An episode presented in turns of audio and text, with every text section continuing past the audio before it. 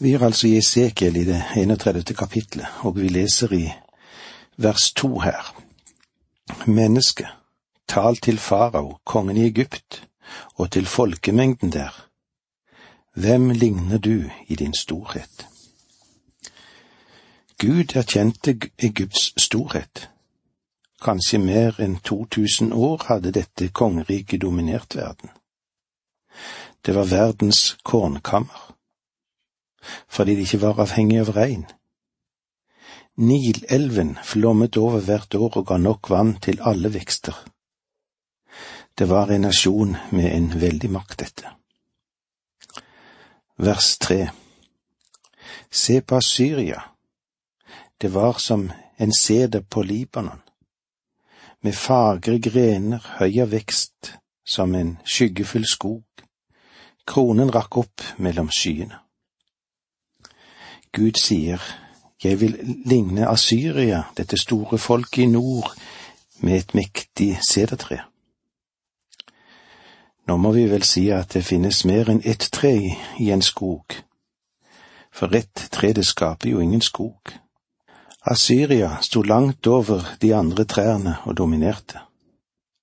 Men Gud bøyde Asyria. Dette budskapet burde far og hans folk ha oppfattet. Farao er også et stort tre. Han har dominert alt. Det egyptiske folk er stort, men nå skal også de bøyes. Som vi så det i kapittel 29, vil Egypt bli et rike som er lagt døde. Helt siden da har det vært et rike uten betydning, og det vil aldri bli et verdensrike igjen. Vi vil nå se litt på faraos fall. Vi går til vers ti. Derfor sier Herren Gud, fordi sederen ble så høy av vekst at den strakte sin krone opp mellom skyene, og fordi den ble stolt av sin storhet. Setningen Derfor sier Herren skal du legge merke til. Den gjør det klart for oss at her deler dette kapitlet seg i to. I denne delen ser vi at farao kjenner seg løftet opp i hovmod. Stolthet tar stor plass i menneskehjertet, og faraos storhet blindet ham for de farer han nå skulle møte. Vers 11 Overga jeg den til høvdingen over folkene, så han kunne behandle den etter dens ondskap og drive den bort. Så langt i historien, hvem er den mektigste blant nasjonene? Det er Nebukaneser, kongen i Babylon. Jeg tror ikke at Esekiel her taler om Satan, for Satan har hatt sin plass på Egyptens trone i årevis. Så det vil ikke være noe nytt. Hvis du ønsker å få bekreftet at denne høvdingen over folkene var Nebukaneser, så skal du lese Daniels bok. Daniel sa til kong Nebukaneser, Du er hodet av gull. Denne mannens storhet er senere neppe overgått. Derfor overga jeg dem. Det går her på at farao er i Egypt. Gud vil ta hånd om han. Han vil drive ham ut på grunn av hans ondskap. Vers tolv. Fremmede, hensynsløse folkeslag hogg den ned og sleng den bortover fjellene. Grenene falt ned i alle daler, og løvverket ble revet i stykker i alle landets bekkefar. Alle folk på jorden forlot den skygge og lot den ligge. Egypt ville bli knekket, og det ville bli et sjokk for verden. Nå vil vi se litt på klage over faraos fall. Dette er en forunderlig del av Guds ord.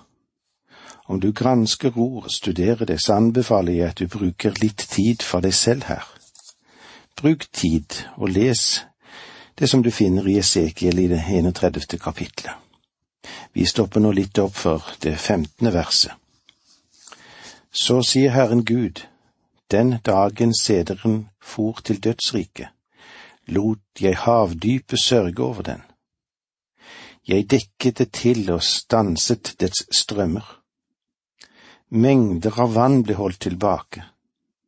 Jeg kledde Libanon, Libanon i sort for sederens skyld, og alle trær på marken tørket bort av sorg over den. Ordet dødsrike i dette verset er Sjol. Dette verset taler om farao som vil bli knekket og drept. Sheol, selv om det til sine tider betyr graven, betyr det her den utsette verden, de ukjente regioner, eller der de døde oppholder seg, ikke bare i graven der det fysiske legeme plasseres etter døden. Det er et sted der ånden drar. Du husker at Salomo talte om at legemet vender tilbake til jorden, og ånden går til Gud. Før støvet vender tilbake til jorden ånden går til Gud, som ga den, som det står i Forkynneren 12,7. Menneskelegeme er jo ikke noe annet enn støv. Når salmisten taler om mennesket, så sier han, for han, altså Gud, vet hvordan vi er skapt. Han kommer i hu at vi er støv, som det står i Salme 103, 14. Noen ganger glemmer vi at vi er bare støv. Og når støv klistrer seg til seg selv, så blir det bare gjørme. Vi trenger nok å huske på at vi er bare støv og når vårt legeme legges i jorden, går det tilbake til støv. Den Herre Jesus talte om at når en troende dør, så sover hans legeme. Og Paulus taler om det fysiske legeme som, som om at det sover. Og det kan du òg se i første Tessalonikerbrev 4.13. Hvor går de fortaptes ånd hen?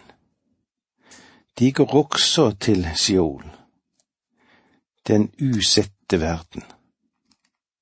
Vi vet fra en lignelse som også er en livshistorie som Jesus fortalte oss om i Lukas 16, versen 19-31, om to menn som døde, at Sjool er delt i to deler.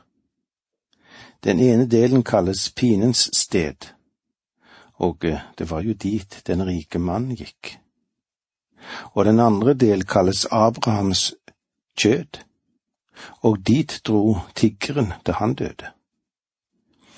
Pines må ikke forveksles med helvete eller ildsjøen i Det nye testamentet.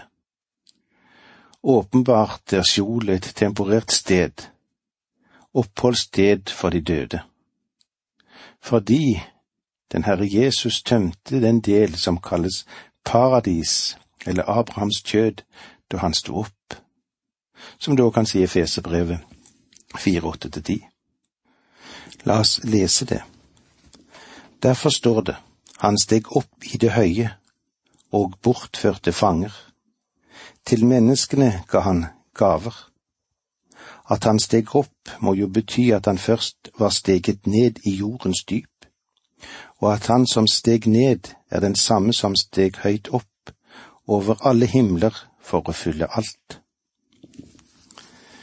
Den delen som kalles pinsted, vil ikke avgi sine døde før alle som er der, skal stå for den store hvite trone i den siste dommen, som det står i Åpenbaringen 20, 11-15, som vi nå leser sammen. Jeg så en stor, hvit trone og ham som satt på den. Jord og himmel svant bort, for hans åsyn var ikke lenger til og jeg så de døde, både store og små. De sto foran tronen, og bøker ble åpnet. Så ble en annen bok åpnet, livets bok, og de døde ble dømt etter det som sto skrevet i bøkene, etter sine gjerninger. Havet ga nå sine døde tilbake, og døden og dødsriket ga tilbake de døde som var der, og enhver ble dømt etter sine gjerninger. Så ble døden og dødsriket kastet i ildsjøen, og ildsjøen, det er den annen død. Og om noen ikke var skrevet inn i livets bok, ble han kastet i ildsjøen.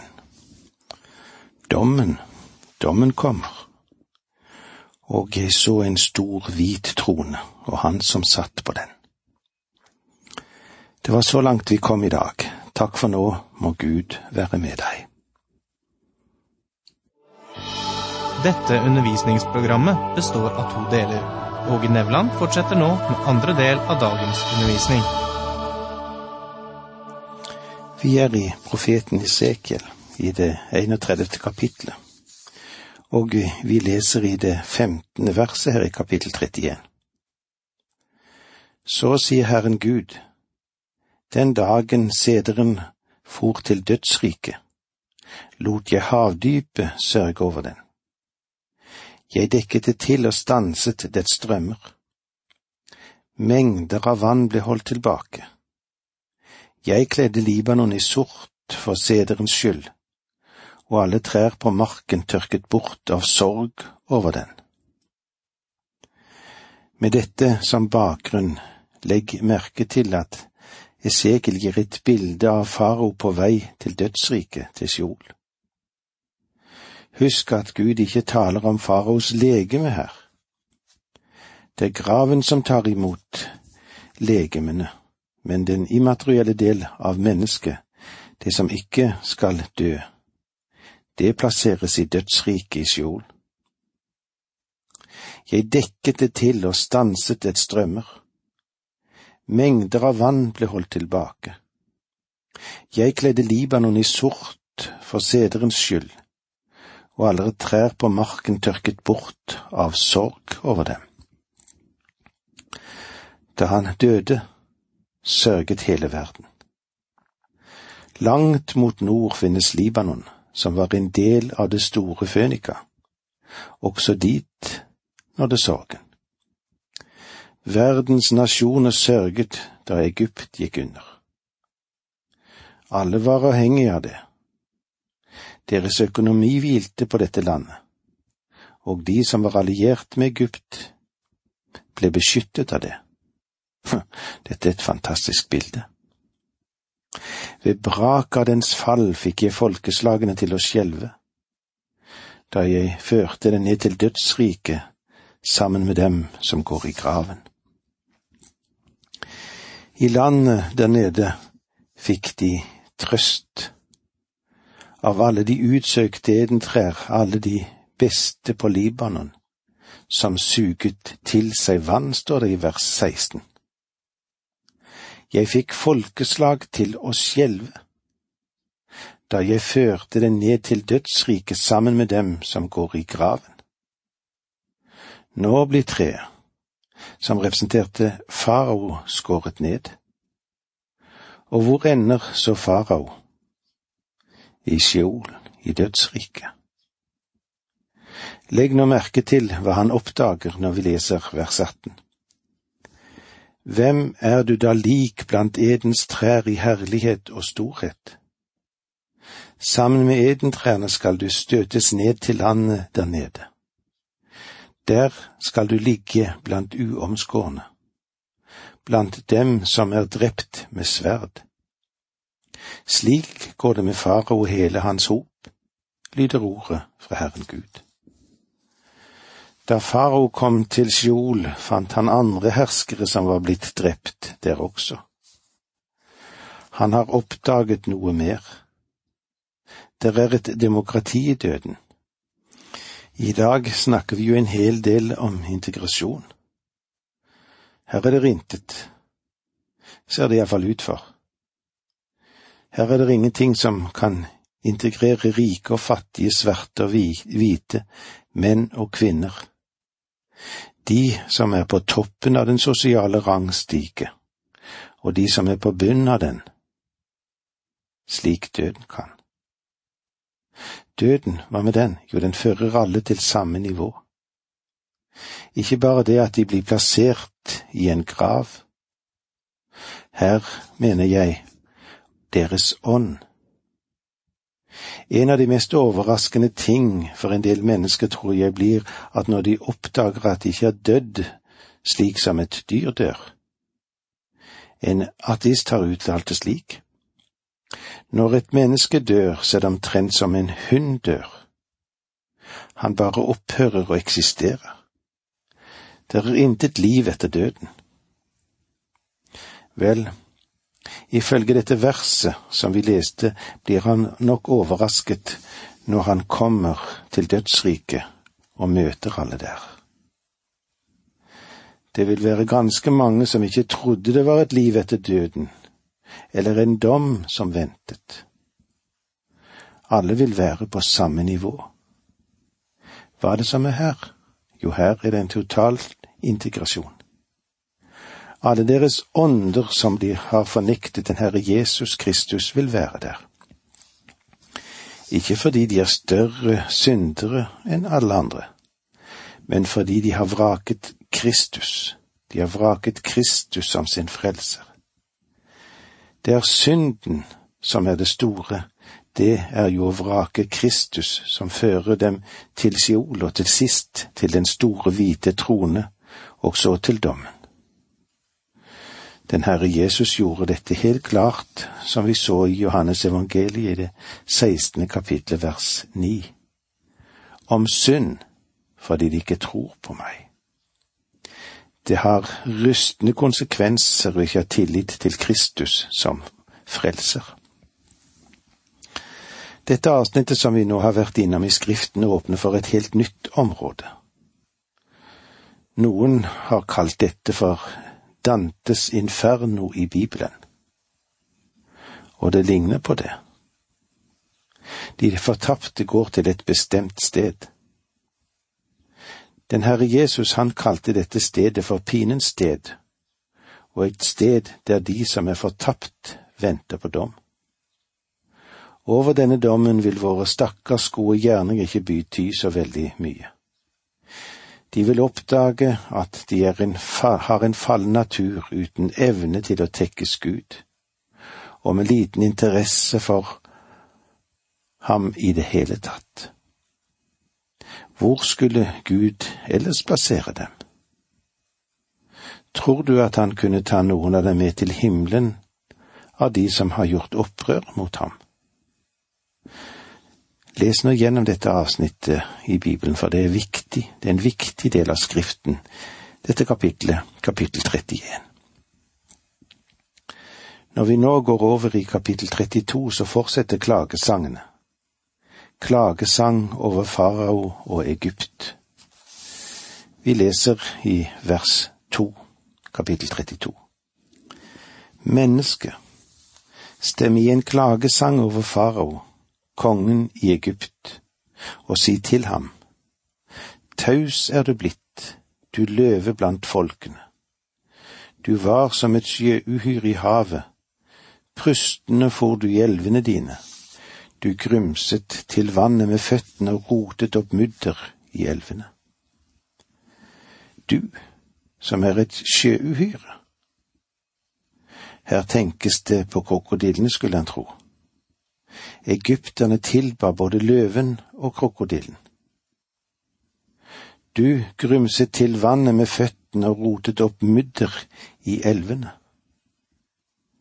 Så langt tilbake hadde de også et økologisk problem. Farao rotet opp vannet. Vers tre. Så sier Herren Gud, nå strekker jeg mitt garn over deg mens mange folk er samlet og de skal dra deg opp med noten. Nå strekker jeg mitt garn over deg. På samme måte som man kaster not i Nilen for å få fisk, så skal jeg fange deg, du monster fra Nilen, du krokodille. Det er som om Gud sier, jeg vil trekke deg opp og føre deg bort til et sted der du ikke skal bo i slott du skal befinne deg på samme plan som de øvrige innbyggerne. Døden gjør oss alle like, ikke sant? Vers 11 Ja, så sier Herren Gud, Babylonerkongens sverd skal ramme deg. Kongen av Babylon vil erobre Egypt. Vers 18 og 19. Menneske, Syng en klagesang over hopen i Egypt. La dem fare ned, og kvinner fra andre folkeslag sammen med dem. Mektige menn må dra til landet dypt der nede, sammen med dem som går i graven. Kanskje du er bedre enn andre. Stig ned og legg deg hos uomskårne.